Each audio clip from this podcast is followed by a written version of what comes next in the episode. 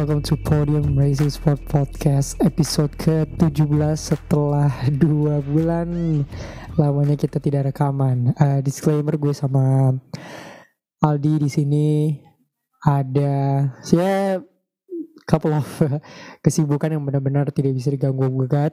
Uh, kita miss out banyak sekali hal setelah rekaman terakhir di Aragon Moto, MotoGP Aragon ya. Kita ngebahas sebelum malah sebelum MotoGP Aragon. So uh, untuk MotoGP kita kehilangan 5 seri yang tidak kita bahas termasuk seri Flyaway di Asia. Tapi ya kita masih uh, standby di Twitter at podium by plus 62 terus F1 juga kita tidak ada rekaman untuk menganugerahkan Max yang juara dunia di Jepang ya ya karena Grand Prix-nya juga agak so-so sih. Cuman we're back. Uh, welcome back bersama gue Reverendo dan Arsyad Novaldi uh, di episode ke-17. Kita sapa dulu Aldi. Halo. Yo, ada setelah pas bulan lebih, udah mau dua bulan. Dua bulan, dua bulan. Exactly. Eh, by, by the way, ini kita rekaman tanggal 3 November. Happy birthday Matia Binotto. Pakai foto dia ya, foto dia. Aduh, kebetulan banget ya. Wah, ini Lord ulang tahun orang ter orang nomor satu lah di Scuderia Ferrari. Ferrari. Betul betul. Yeah. Uh, kita juga mau ngucapin uh, rest in peace untuk Dietrich Massachusetts, uh, co-founder dari Red Bull ya, yang meninggal dunia di seri seri apa ya kemarin? Uh, Austin kalau nggak salah tuh. Uh, beliau meninggal di antara sesi free practice sama qualifying. Salah satu yang membawa uh, Red Bull ya dari tahun 2006 jadi tim 2005 sekarang udah jadi lima kali juara konstruktor championship bos. Uh, yang terbanyak ke 6 kalau nggak salah di sejarah Formula One. Tapi Ya, kita langsung kick off aja kali ya. Tanpa berlama-lama. Yep. Karena kita tidak membahas Max juara dunia. Kebetulan uh, beliau ketika kita rekaman ini habis race weeknya Meksiko. Yang sebenarnya gue mengharapkan Ceko untuk juara banget sih, tapi ya udahlah. Uh, strateginya Mercedes juga lumayan uh, mengesankan, walaupun race-nya boring banget. Sayang, untung gue uh, tidur terus ngeliat highlights ternyata oh Lewis tidak jadi juara ya. Tapi uh, still a good race. Tapi Max Verstappen lagi-lagi menang dan memutus sebuah rekor ya.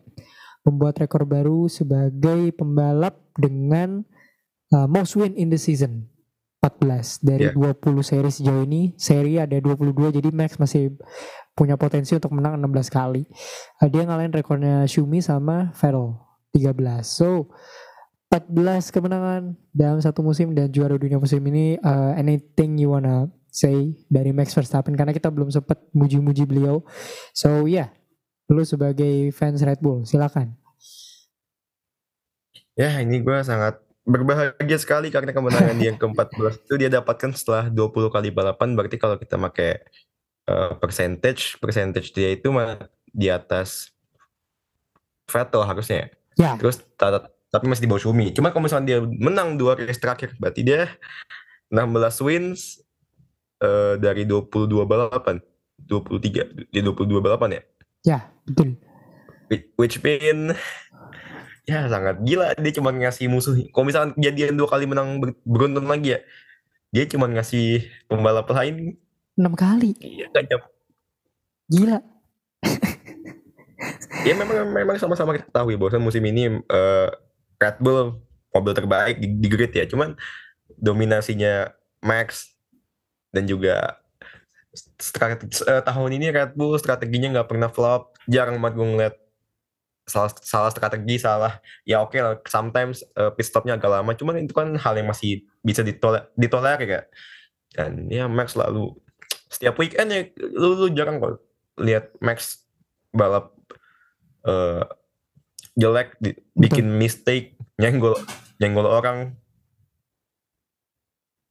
yep, yep, ya jadi gue sangat senang dengan rekor yang semoga uh, tetapi kan uh, keberhasilan Max kemarin itu kan juga sebenarnya diwarnai dengan berita buruk juga ya bagi Red Bull ya karena uh, se um, tiga atau empat hari sebelumnya mereka juga diinfokan kalau mereka melanggar cost cap. Betul. Di mana? Musim depan, nah musim depan ini baru. Berasa goyangannya. Di mana Mercedes udah uh, jor-joran buat musim depan. Dia mau uh, banyak banget upgrade-nya musim depan. Karena musim ini dia udah uh, udah banyak banget dapat uh, material-material. Nah, Red Bull ini musim depan udah dia kena pelanggaran cost cap terus ditambah juga tes aeronya dikurangin 10% Betul. sehingga dia tim yang paling sedikit musim depan. Untuk tes aero dia cuma dapat 63 persen di mana yang paling tinggi paling jatah paling tinggi buat musim depan itu Williams 115 persen. So ya yeah, kita berharapnya musim depan Max masih bisa stabil karena pembalap-pembalap sebelumnya setelah mendapatkan rekor ini musim depannya agak goyang Ya seperti biasa kita dijanjikan sama musim yang menarik di musim depan walaupun ya kayak lu tahu 2022 kita di dijanjiin sama musim yang ketat. Uh, di prom we promise to have a lot of overtakes lebih banyak dibandingkan musim lain. Ternyata masih satu orang yang mendominasi kayak biasa biasanya tapi gue tidak gue tidak menafikan bahwa Max tampil sangat luar biasa. Through throughout all the season gue rasa kesalahan-kesalahan dia cuma ada di awal musim dong kan yang dia itu juga bukan kesalahannya dia itu lebih ke uh, reliability-nya Red Bull di Bahrain dan di Australia. Menurut gue bahkan worst race-nya secara dia finish tuh di Singapura kemarin. Yang dia disuruh pit uh, kualifikasi karena bahan bakarnya atau something gitu ya. Jadi dia nggak bisa set the fastest time walaupun dia dapat purple di almost whole sector.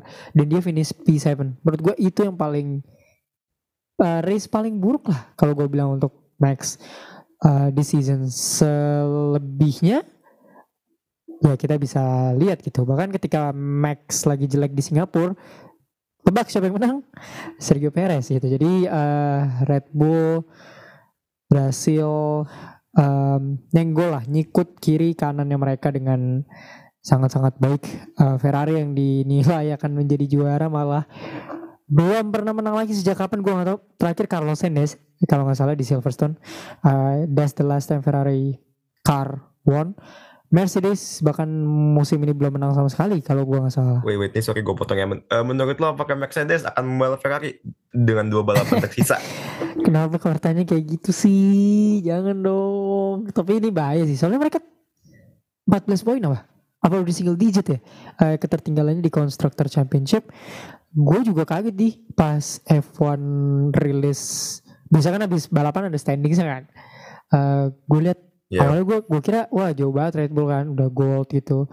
Terus gue lihat lah kok ini cuma beda point. beda ini ya wah. Ferrari sama Mercedes kok beda tipis sih karena kan Mercedes beberapa race terakhir kunci podium terus kan via Lewis Hamilton.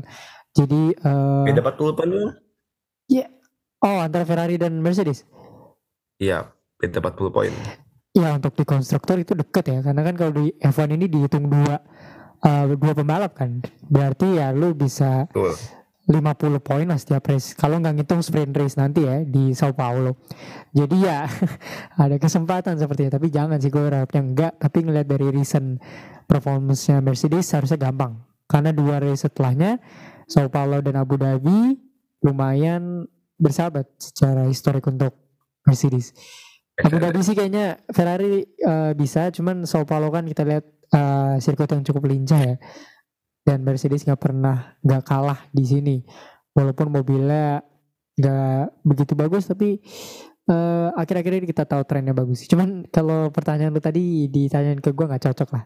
Gue pasti berharapnya enggak sih. Cuman ya Charles sama Carlos terutama di dua race terakhir underperform banget banget. Ya ini nggak menghitung Carlos ditabrak sama George Russell ya.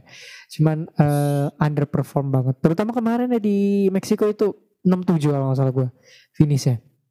Kalau gue nggak salah. Jadi uh, underperform mengecewakan jadi ya bounce back lagi di musim depan. Maksudnya ya udah ngejar apa lagi selain runner up kan? Yang gue rasa juga akan dikunci sama Sergio Perez ya. Jadi uh. I don't see them going forward lagi sih Nah sebenarnya Brazil ini masih GP yang dalam tanda kutip juga tanda tanya ya karena kemarin itu sempat ada isu di mana eh, mobil-mobil uh, timnya dihadang sama para warga Brazil karena di Brazil juga sedang mau mengadakan pemilihan presiden atau pemilihan apa gitu gue lupa. So ya yeah, buat para fans Mercedes yang berharap minggu ini bisa meraih kemenangan lawan Anda bukan hanya Red Bull dan Max ya, tapi lawan Anda juga apakah minggu akan ada balapan dikarenakan Brazil lagi nggak kondusif. Mulai dari warganya yang uh, kemarin menghadang bis-bis uh, uh, tim-tim F1 dan juga ditambah juga dengan uh, kemungkinan kebatalan GP Brazil. So yeah, I think this ini kita rekaman hari Kamis, berarti kalau misalnya kita upload hari ya mungkin ini ketika ini dirilis mungkin kita sama-sama tahu apakah GP Brazil akan dilaksanakan atau tidak. Kalau misalkan dilaksanakan apakah akan setengah balapan atau tidak. Kalau misalkan setengah balapan pun berarti kan poinnya juga cuma setengah. So ya, uh, weekend weekend nanti bakal jadi weekend yang amat-amat seru karena kita menunggu kepastian GP Brazil dan juga ya many more lah dan juga driver driver Comer maybe? Karena Haas juga belum nentuin dia mau, mau kontrak siapa. Battle battle on track sudah mulai sedikit terus uh, ya udah battle battle di sosmed aja battlenya Alonso sama Lewis yang ya kemarin itu sempat rame. Uh, Max lawan Ted Kravitz yang lagi rame ya, itu menurut menurut lu gimana? Gue gue uh, tadi karena gue nggak agak misal itu soalnya uh, menurut gue Ya, F1 pembalapnya selalu friction sama ini ya, medianya ya. Terutama dulu Val Alonso juga sering friction sama media Inggris ya. Ini Sky Sport juga ya, kalau nggak salah. Yang si iya, Sky Sport lagi. Sky Sport lagi Inggris. Jadi uh, menurut gua emang agak-agak apa ya, bias ya uh, media-media Inggris tuh. Ted Ted Kravitz ya, uh, Max tapi gue gue mengerti sih kenapa Max berani sampai apa memboikot Sky Sports. Ya karena dia juga punya media sendiri.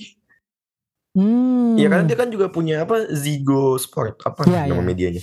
Yang Belanda itu. betul betul.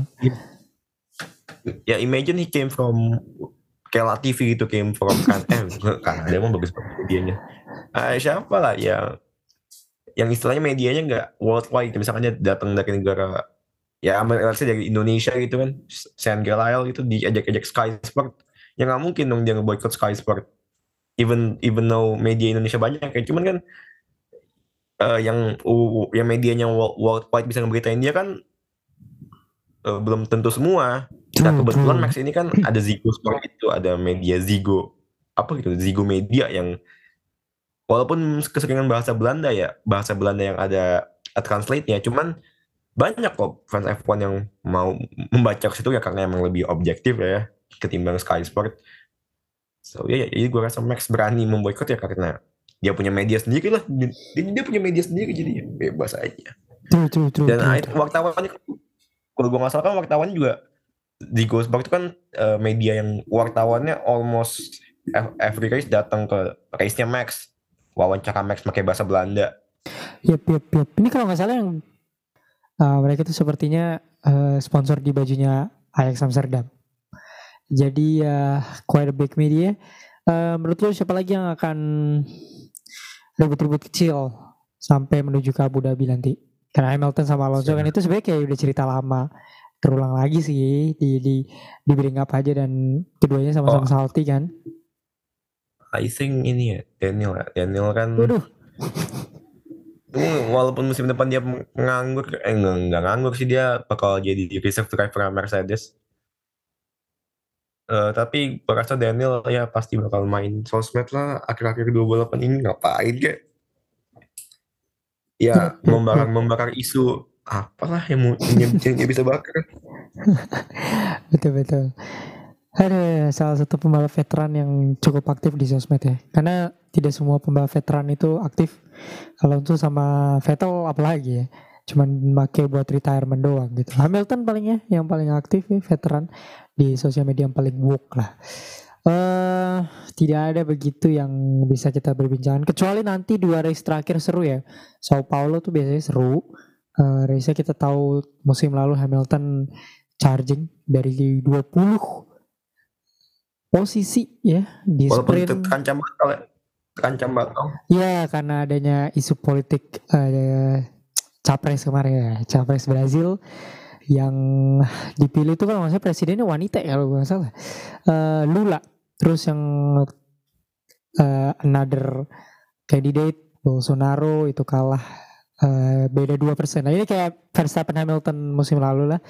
uh, ininya yeah. kontesnya jadi lagi friction di Brazil jadi kemungkinan bisa batal. Bakal jadi balapan pertama yang batal karena isu politik sejak Bahrain 2009 kalau gua salah.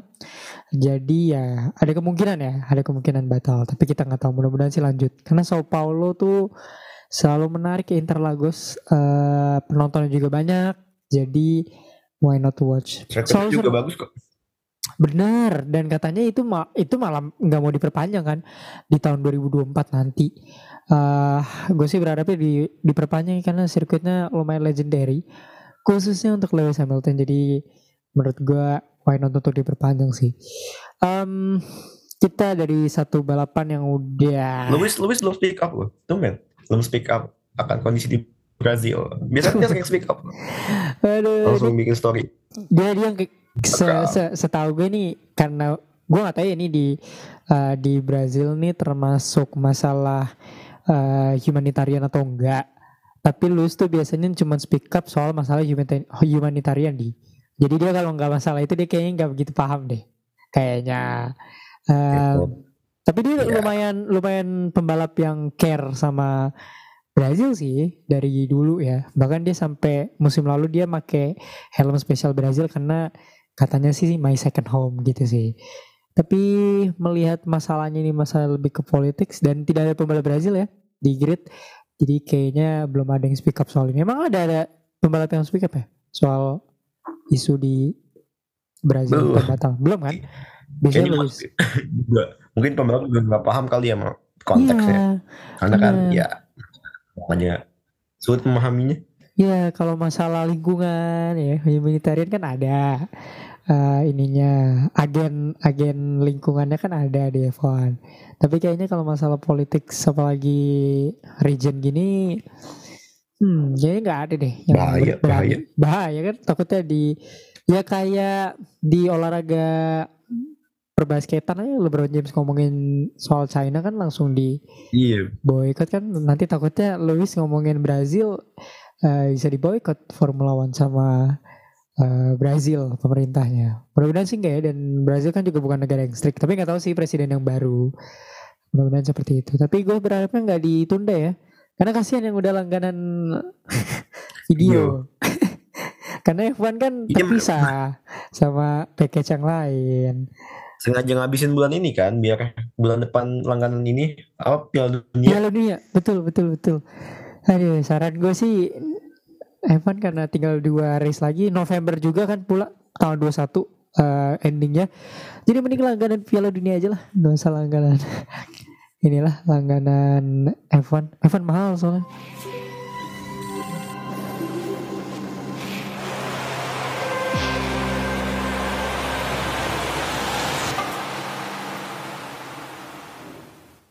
Kita lanjut uh, di sesi ini kita bakal bring up hype olahraga balap yang jauh lebih baik dibanding Formula One. Iya lah, maksudnya uh, kan banyak sekali orang yang bilang ya MotoGP is dead ya, F1 akan mengambil tahtanya. Tapi menurut gue F1 cuma menang di jumlah penonton ya.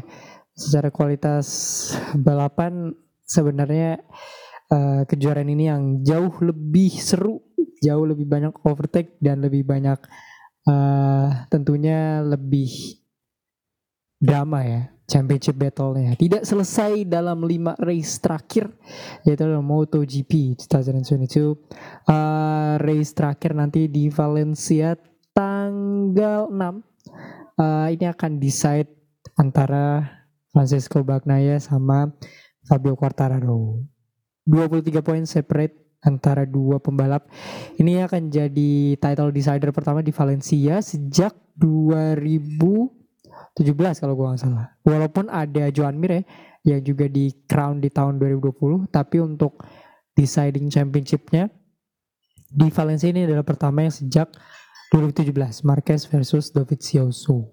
Nah ini 23 poin uh, akan menjadi Sengit ya untuk kedua pembalap Fabio Quartararo juara bertahan sudah mengoleksi tiga kemenangan dan ancur-ancuran bahasa sepak bolanya kalau di second half of the season. Sementara Peko Baknaya yang sempat ketinggalan 91 poin berhasil ngambil 7 win in the season dan memutarbalikkan keadaan menjadi 23 poin.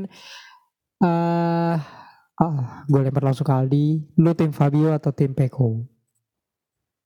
Aduh sulit. Wah, dia satu, yang satu di sebelum summer break dia dibenci karena terlalu dominan, terlalu dominan, terlalu dominan.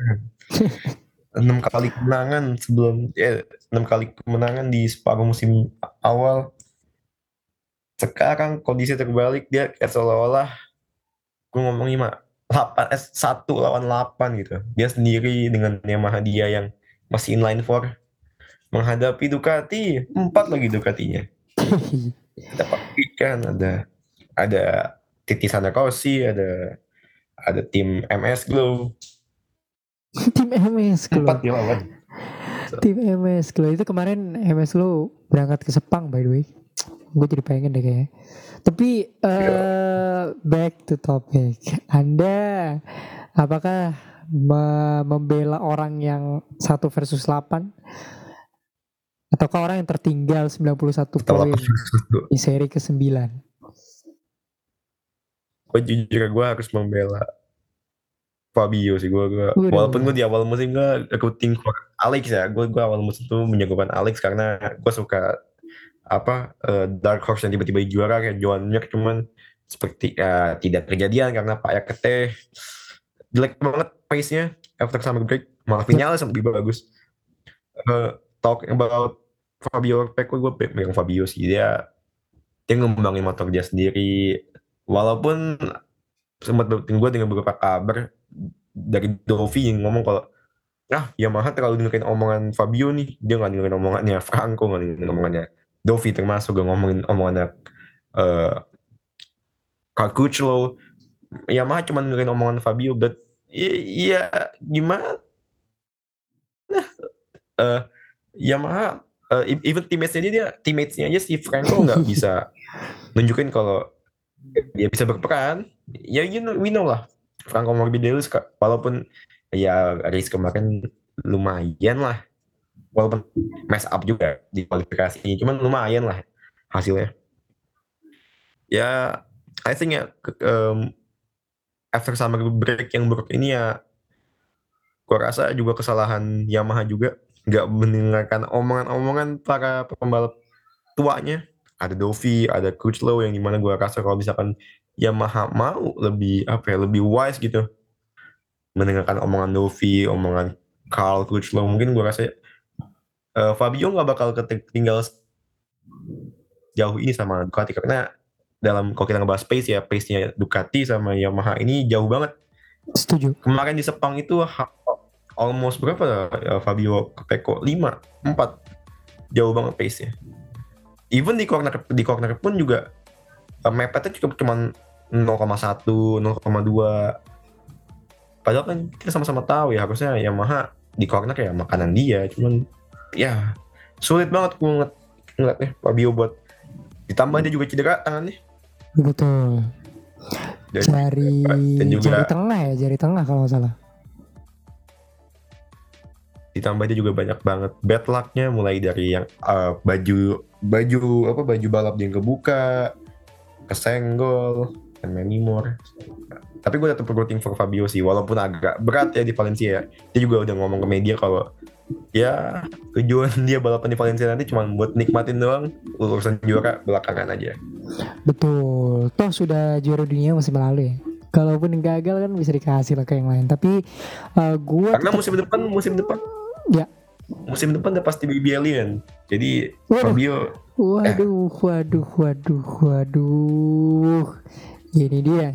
Karena musim depan Marquez masih 30 ya. Jadi harusnya sih masih bisa konten. Tapi Fabio Quartararo menurut gua kalau ngomongin bad luck sih sebenarnya keduanya dapat bad luck ya. Cuman Fabio ini dapat bad luck yang porsinya lah mungkin lebih tidak menguntungkan ya uh, waktu dan tempatnya nggak pas lah Oh gini, ibaratnya bad luck-nya Peko itu masih cover sama adanya Enea, masih ada Jorge Martin, masih ada Zarco yang istilahnya masih bisa ngalang-ngalangin Fabio. Nah Fabio kalau udah bad luck, Wah, habis misalkan Peko di posisi 3, di Ducati 2 dikasih, sama Jorge sama Zarco dikasih, itu Betul. bedanya. That's the point, that's the point. Eh, sebelum gua ngomongin ke jumlah kekuatan motor yang sepertinya orang-orang bilang cukup signifikan, tapi Fabio emang gue bisa bilang the best rider di season sih. Tergantung nanti hasilnya kita bakal ada eh, some mini MotoGP World versi kita. Cuman eh, the way he extract Yamaha-nya to this level, terutama kemarin di Sepang ya, gue cukup salut dia masih bisa finish ketiga despite start dari posisi 12 dengan jari kirinya itu bermasalah. Dan masih bisa riding like a champion dan memaksa kejuaraan terus eh, lanjut sampai Valencia sih eh, gak ada respect dia. Cuman ya lu kalau fans Fabio kadang gemes lah ya. terutama di Phillip Island kemarin tuh menurut gua race di mana dia membuang seluruh peluang yang dia punya sih. Waktu itu dia coming to Phillip Island tuh cuma beda dua poin kalau gua nggak salah cuman beda dua poin antara Fabio sama Peko. Dan ya recklessly dia jatuh. Eh, eh awalnya dia melebar dulu ya. Dia melebar eh, karena outbreak motornya sendiri dan dia jatuh di tikungan ke dua. Ah, itu frustrating untuk dia karena di paruh musim kedua benar-benar eh, sebelum Sepang dia terakhir podium kapan ya? Lama banget. Dia habis itu nggak pernah podium lagi. Austria terakhir posisi dua. Yang kita bilang posisi kedua terbaiknya Fabio Quartararo lah. Terus habis itu dia no podium. Hancur tuh dia bad lucknya parah banget. Aragon ditabrak sama tukang seruduk. Terus eh ya karena Aragon dia dia juga nggak pernah bagus juga sih eh, balapannya. Dan Misano dia menurut gua banyak seharusnya yang Fabio bisa ambil poin-poin penting. Silverstone Misano Phillip Island tapi dia nggak ambil itu gitu. Cukup disayangkan. Dan ya dibantu sama Peko yang menurut gua babak musim keduanya ini outstanding banget. Eh nearly unstoppable. Itu kalau nggak ada ini ya Bastian ini gue yakin Peko udah ambil 6 kemenangan beruntun ya sih. Karena yang gue rasa bahkan di babak kedua musim kita nggak ngelihat Peko versus Fabio ya. Justru Peko versus Ya. Enea in couple times. Misano terus Dan- di Aragon terus di Sepang kemarin. Jadi Plus ya. ini ya, plus kebangkitan Miller, Viva Miller. Iya. Waduh itu kemarin kalau ka- kenapa ditarik juga sih sama Alex Marquez kesel banget gue. Tapi tiba-tiba babak kedua musim eh apa ya lucknya jatuh ke Ducati semua sih. Nggak cuma Peko doang semuanya semua muanya Jorge Martin bahkan kemarin dapat pole position di Sepang dia juga dapat pole position di Motegi kalau gue nggak salah eh Zarco Ya walaupun Juga- Paul, Paul yang nggak good ya. Iya polnya gak guna. Dia cuma menang sekali dari 8 pole by the way. Parah banget. Eh, Jack Miller menang di Worst. Motegi ya. Eh, yang menurut gue adalah race terbaik bagi gue sebagai seorang fans ya. Terus Peko, Enea, terus ada Bezeki man. Eh, dia juga tampil bagus. Marini. Eh, jadi emang lucknya babak kedua musim ini jatuh ke Ducati semua gitu. Jadi hampir semua gelar mereka dapetin. Tinggal gelar ini doang.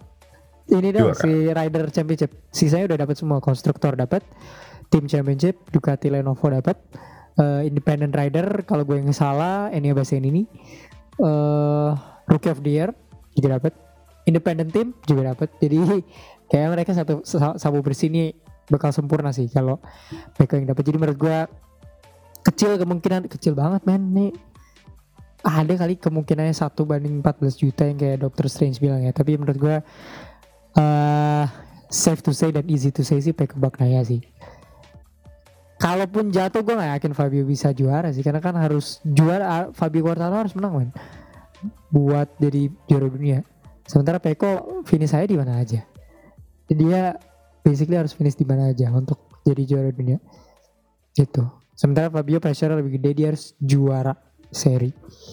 Yang menurut gue susah karena musim lalu Ducati yang menang uh, Yamaha tuh terakhir 2020 ya by the name of Franco. Uh, jadi agak sulit sih. What do you think? Sulit sih menurut gue. Karena skenario nya untuk Fabio harus menang dan Peko harus nggak dapat poin. It's tough. Tapi jujur ya, gue, gue ngerasa Valencia ini aura-auranya yang bakal menang balapan tuh bukan malah dari either Fabio or Peko malah menurut gue nama-nama lain gitu oh. ya karena gue biasa pembalap-pembalap kalau udah dalam posisi gini nih dalam posisi uh, fight for champion biasanya balapannya malah jelek gitu gue masih benar setuju juga jarang-jarang lebih, lebih, lebih main aman jarang gak sih? lebih main aman gak sih jadi iya lebih main aman. Buat Peko ya. Fabio maybe ya bakal push. Tapi kayaknya Fabio juga udah ngomong di media dia bak lebih bakal main aman juga. Ya karena dia nggak mau cedera yang lebih parah juga kan. Iya dan kalau jatuh udah selesai semua ya, cepet-cepet jadi gue rasa yang menang kayaknya bukan bukan Peko atau Fabio. Bisa pembalap lain maybe. Pembalap Spanyol pembalap pembalap Australia sih atau enggak enggak. Um, ya makan manis tuh penutup oh iya sebelum iya cabut. Ke KTM ya kan? Tapi uh, menurut gue one hand uh, Peko ini udah ada satu tangan. Satu setengah lah sama sikunya gitu.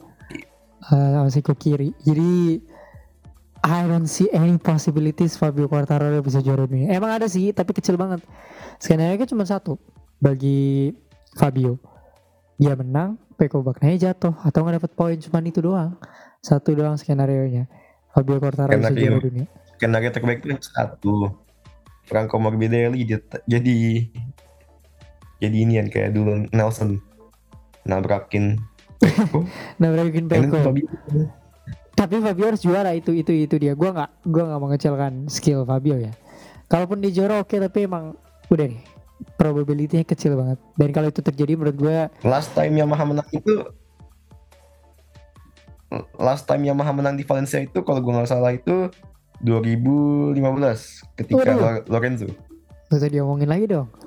Kalau Yamaha keseluruhan kan lama ya, terakhir. Iya, Tapi iya, kalau Yamaha pabrikan emang udah lama banget sih. Lama menang di Valencia benar. Oh iya, udah lama banget. Lama banget. Race itu ya. Hmm.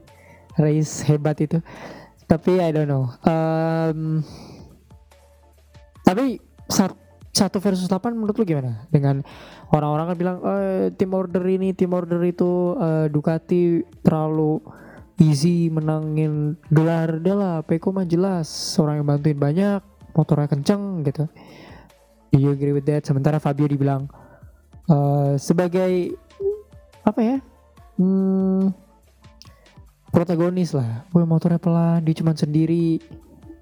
Hebat lah gitu. Ya, dia, kan, Peko. dia kan dibilang protagonis karena setelah ini, setelah setelah dia uh, sama break, sebelum sama break mah dia di dia di hina-hina juga.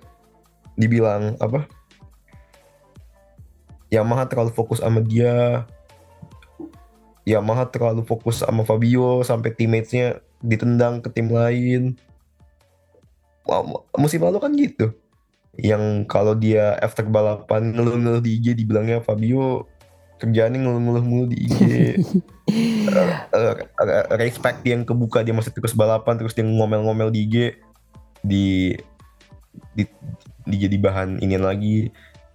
Cuman musim ini emang berbeda banget musim ini. Fabio bener-bener I, I think juga salahnya salahnya Yamaha sih. Gue gue nggak bisa memungkiri.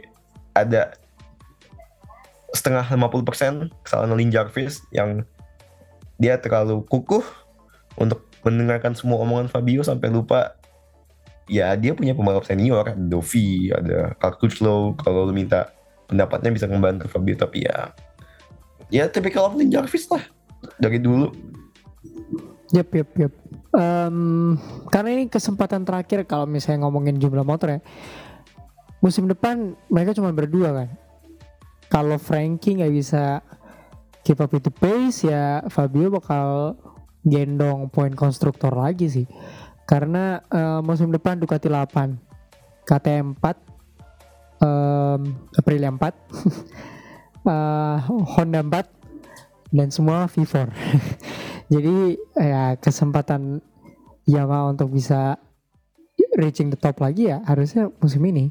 Karena musim depan dua versus dua versus 20 gila ya dua versus 20 dua inline for 20 V4 that's gonna be tough jadi tapi gue tidak apa ya kalau orang ngomong Ducati juara karena motor yang overpower sih menurut gue salah ya uh, Gak, nggak, nggak salah tapi keliru.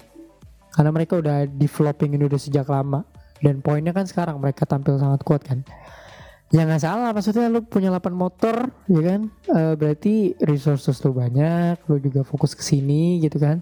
Dan motornya bisa dipakai ke semua orang.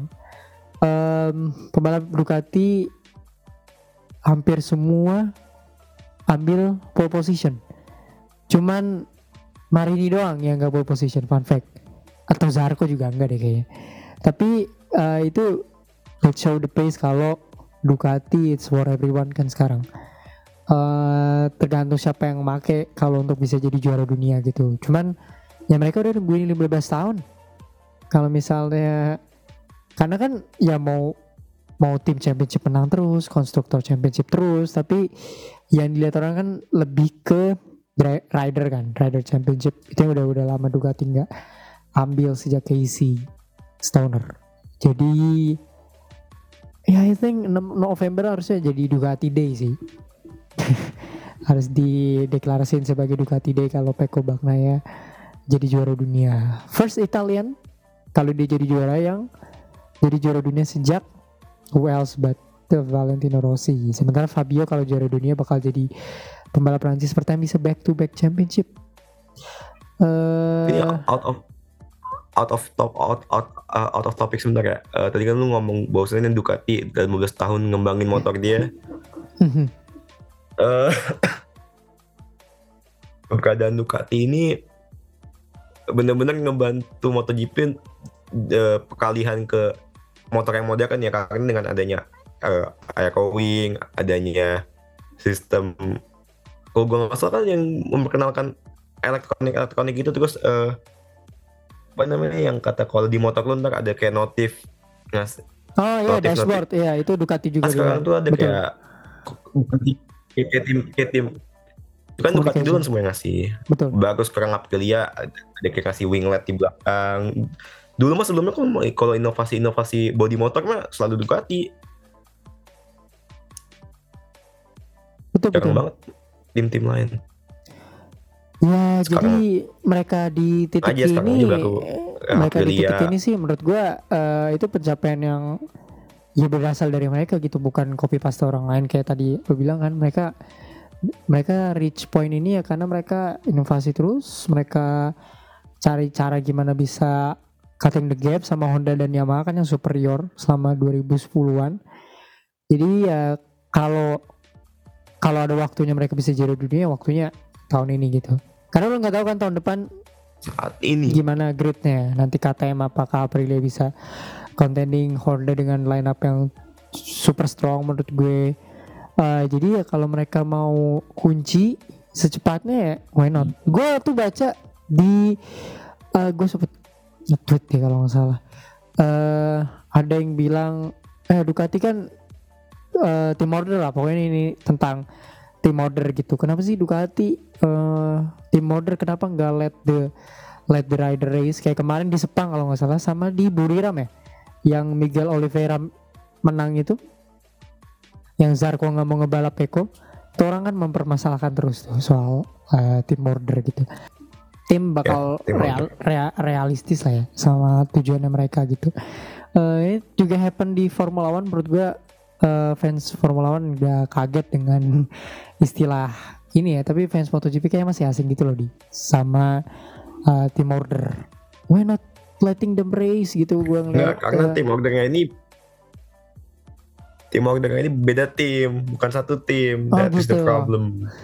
ya ya I know. Karena di Formula One kan nggak ada apa ya eh, nggak ada istilah tim pabrikan tim satelit ya kan? Eh gue nggak tahu sih apakah tim-tim kayak Williams kemarin eh, atau Aston Martin itu dikasih instruksi khusus eh, untuk lewatin Mercedes Iya. atau AlphaTauri dengan Red Bull. Cuman tapi kalau di MotoGP ini kan kayak kelihatan banget lah misalkan Ducati minta switch position padahal beda tim satu satu, satu satelit.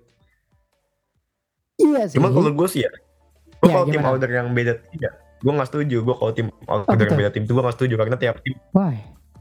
punya kepentingannya masing-masing except kecuali disuruh sama eh eh ya di- kecuali disuruh sama eh, timnya ya. Tapi kalau misalkan disuruh sama tim lain ya walaupun itu dia tim pabrikan ya gu- ya ya nggak harus dilakuin juga nggak. Dan menurut gua kalau misalkan Enea dan Peko saling duel sampai aneh-aneh ya nggak perlu dikritik juga. Nah, why? Ducati ini kan berlebihan. Enggak Ducati ini berlebihan. Oke. Kalau apa ya kalau lebay gitu. Ngeliat dua dua pembalap nih dengan dua oke satu motornya sama kayak satu GP21 satu GP22 dua tim yang berbeda. Eh, saling battle. Battle itu kan wajar ya. Senggol-senggolan apa di MotoGP. Nah gua rasa Duk- eh, bos Ducati itu kalau lebay. Padahal ya mereka kan beda tim. Kecuali musim depan. Kayak ke satu tim baru udah lu boleh komen. Cuman ya lu kan musim ini beda tim.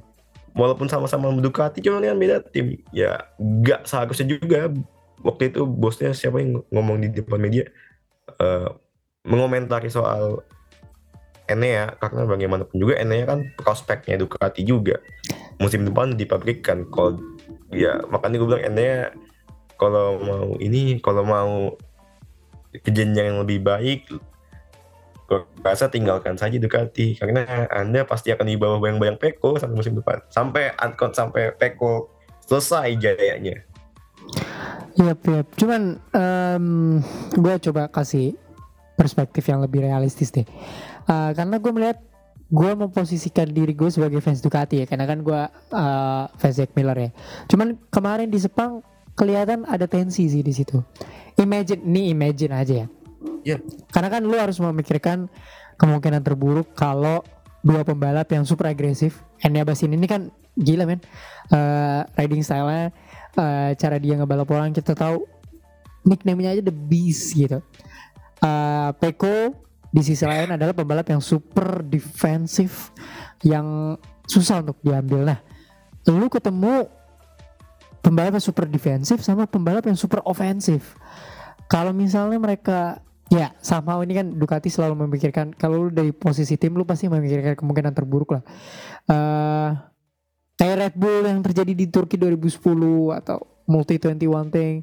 Gue rasa di MotoGP kalau aja ya lu pasti ingat kejadian Nicky Hayden di tubruk sama Danny Pedrosa dari belakang di Australia 2006. You don't want that to be happen kan apalagi di eh, era-era krusial, seri-seri krusial lah kayak gini gitu.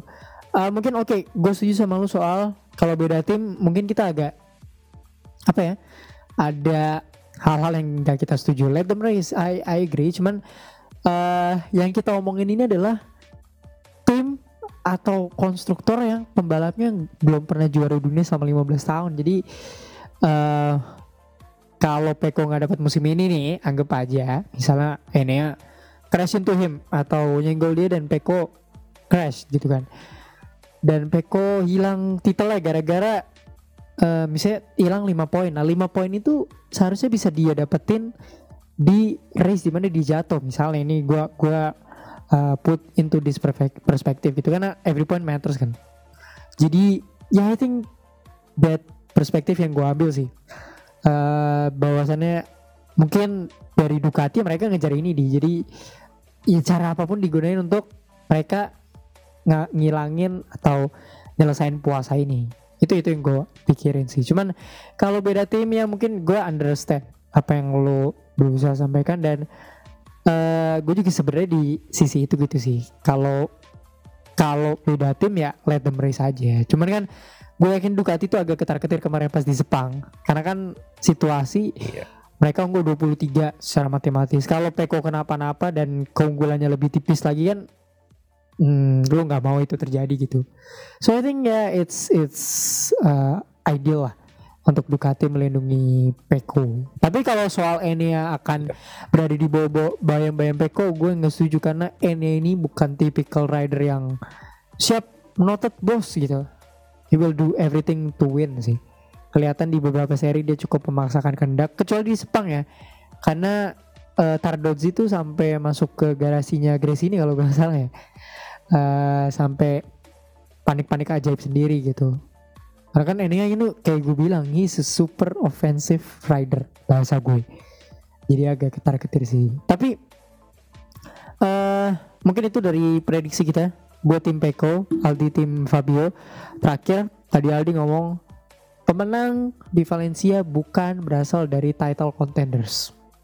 So untuk terakhir kali di ajang MotoGP prediksi 1 2 3 lu di Valencia. Gue itu kepengen pembalap Spanyol. Gue tuh udah lama gue gak mendengarkan lagu Spanyol. Lu mau Mark Marquez kan maksudnya? Walaupun kema iya, kema eh, kemarin tuh Alex tuh Alex Pins. Yes sir. Cuman, itu ya, itu race keren ya, sih, race keren sih. Oh iya jelas Suzuki musim ini anjir kayak apa tahu tiba-tiba menang 3 detik. Eh berapa? Dua apa tiga ya? Gue lupa. Ah enggak enggak enggak enggak sejauh itu kok. Under under 2 seconds. Tapi Oke, gue langsung aja gue gue kepengen ya pasti Mark menang karena Waduh. kualifikasi dia eh, tiga uh, empat race terakhir uh, terlalu bagus.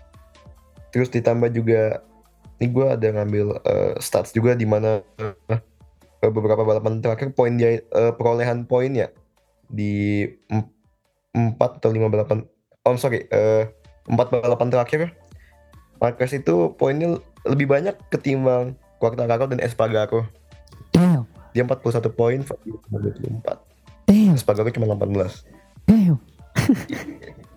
Pertanda ya. Pertanda ya. Pertanda apa yang akan terjadi yeah. musim depan gitu ya. Pertanda. Ya pertanda musim depan ya, tapi gue gue yakin sih Marquez men bisa menang dan keduanya I think harus dikasih Yamaha sih Fabio dan ketiga gue gak tau ya gue itu kepengen balap pembalap-pembalap yang pindah musim depan tuh dapat podium aja. Gue kepengen Jack Miller sih Jack Miller. Gue, gue berharap banget nih Jack Miller. Yay. karena gue yakin Peko Peko bakal main aman ya. Even gue gue yakin Peko bakal main aman. Ya dia dia, dia gue yakin dia P10 pun juga dia seneng. Iyalah di juara dunia bos. Di mana pun Quartararo ya, finish justru Fabio gue gue kasih yang bakal agresif agresif lah kayak walaupun dia ngomongnya dia dia, dia udah lepas cuman ya nggak mungkin lah. Just gue yakin ya podiumnya tiga itu lah. Jepang okay. Jepang Italia. Waduh oke okay, oke. Okay. gue setuju Peko nggak ada di sini. Karena Peko ini tipikal pembalap yang uh, not willing to take a risk ketika when it matters. Uh, dia juga punya histori buruk ketika when it matters dia selalu jatuh. Mm. when it matters dia selalu jatuh. So gue rasa Peko will not take that chance. Karena kan uh, peluangnya di mana pun dia finish dia juara dunia right jadi aduh gue nggak tahu nih pendekatannya karena dia juga juara musim lalu kan tapi uh, national anthem Australia akan berkumandang lagi sih di Valencia ini. Uh, Jack Miller punya histori yang bagus di sirkuit ini. Kalau ngomongin ini kan counter clockwise sirkuit ya. Uh, berlawanan arah jarum jam. Selain Marquez menurut gue Miller tuh cukup underrated di sirkuit yang counter clockwise ya. Gue Mega Miller satu, Marquez dua dan tiganya Alex Rins for the last time untuk Suzuki. Gue sih maunya Joan Mir ya. Tapi uh, ya karena dia juara dunia kan bersama Suzuki. Tapi ya guys, will be fit kalau udah udah udah udah lama udah udah sejak Phillip Island dia balik uh, long. Udah udah udah balik kok. Cuman ya emang pace nya aja masih belum uh, ini. Karena kayaknya dia belum bisa managing that pain yang ada di tubuhnya. Tapi gue rasa it will be fitting kalau pembalap Suzuki terlama sejauh ini yang hmm. nutup eranya Suzuki uh, di MotoGP. Alex Rins guys. So gue Miller Marquez Rins. Yang pasti oh, posisinya iya. Jorge Martin bro ini mungkin sebagai penutup aja biar uh, kita agak Suzuki Suzuki. Menurut lo siapa pembalap Suzuki terbaik di era berapa? Dia berarti 6 maybe 7 tahun terakhir selain Johan Mir dan ini ya dan dan Alex Rins ya. Maverick Vinales lah. Kalau lu tanya selain mereka berdua gue rasa Maverick Vinales. Karena pembalapnya cuma 4 ya setahu gue. Uh, Alex, oh ada Andrea nih. Oh my god. Uh, Maverick Vinales ya. no selain mereka berdua. Cuman ini hot takes ya. Alex Rins is the better rider in Suzuki than John Mir. I'm gonna say that. I'm gonna leave it there. Alex Rins adalah pembalap terbaiknya Suzuki. I'm gonna leave it there. I'm gonna leave it there. Uh, gue akan dijelasin nanti di episode selanjutnya. Tapi uh, siapa pembalap terbaiknya Suzuki di uh, stint keduanya mereka di MotoGP nih sejak musim 2015 masuk. I'm gonna say it's Alex Rins. Itu aja sih. Ini mungkin hot text gue ya. Boleh. Kalau kalau misalkan Vinales stay aja for a longer time in Suzuki. Dia harusnya udah punya satu satu gelar. Damn. Damn that's all. Tapi okay. dalam tapi tapi maksud gue panjang bertahan lebih lamanya bukan tiga dua tahun maksud ya, gue empat lima tahun. Ya, betul betul. Uh, gue ada gue ada. Karena Suzuki ini punya potensi tapi potensinya itu enggak di 2016 2017 enggak enggak di tahun-tahun itu. Justru di 2018 2019 ada potensinya dia baru-baru muncul muncul api-apinya. Setuju juga yang di mana at that time juga Yamaha hancur. Setuju nggak bisa ngelawan sama sekali. Betul betul ya mungkin kesalahan terbaiknya Vinales adalah pergi dari Suzuki ya ke Yamaha. Uh, soal Suzuki akan kita bahas sedikit lagi di episode ke-18, uh, episode terakhir tentang MotoGP pekan depan. Uh, mungkin itu aja dari gue Refrenor dan Arshad Novaldi. Follow kita di Podium by Plus 62 di Twitter. Uh, mention us untuk tahu tentang update-update motorsport lainnya dan follow kita di Spotify kalau dengerin sekarang di Spotify dan di platform podcast mana pun. Enjoy the decider. Lu tim Peko, lu tim Fabio yang pasti dua pembalap ini deserve the whole title.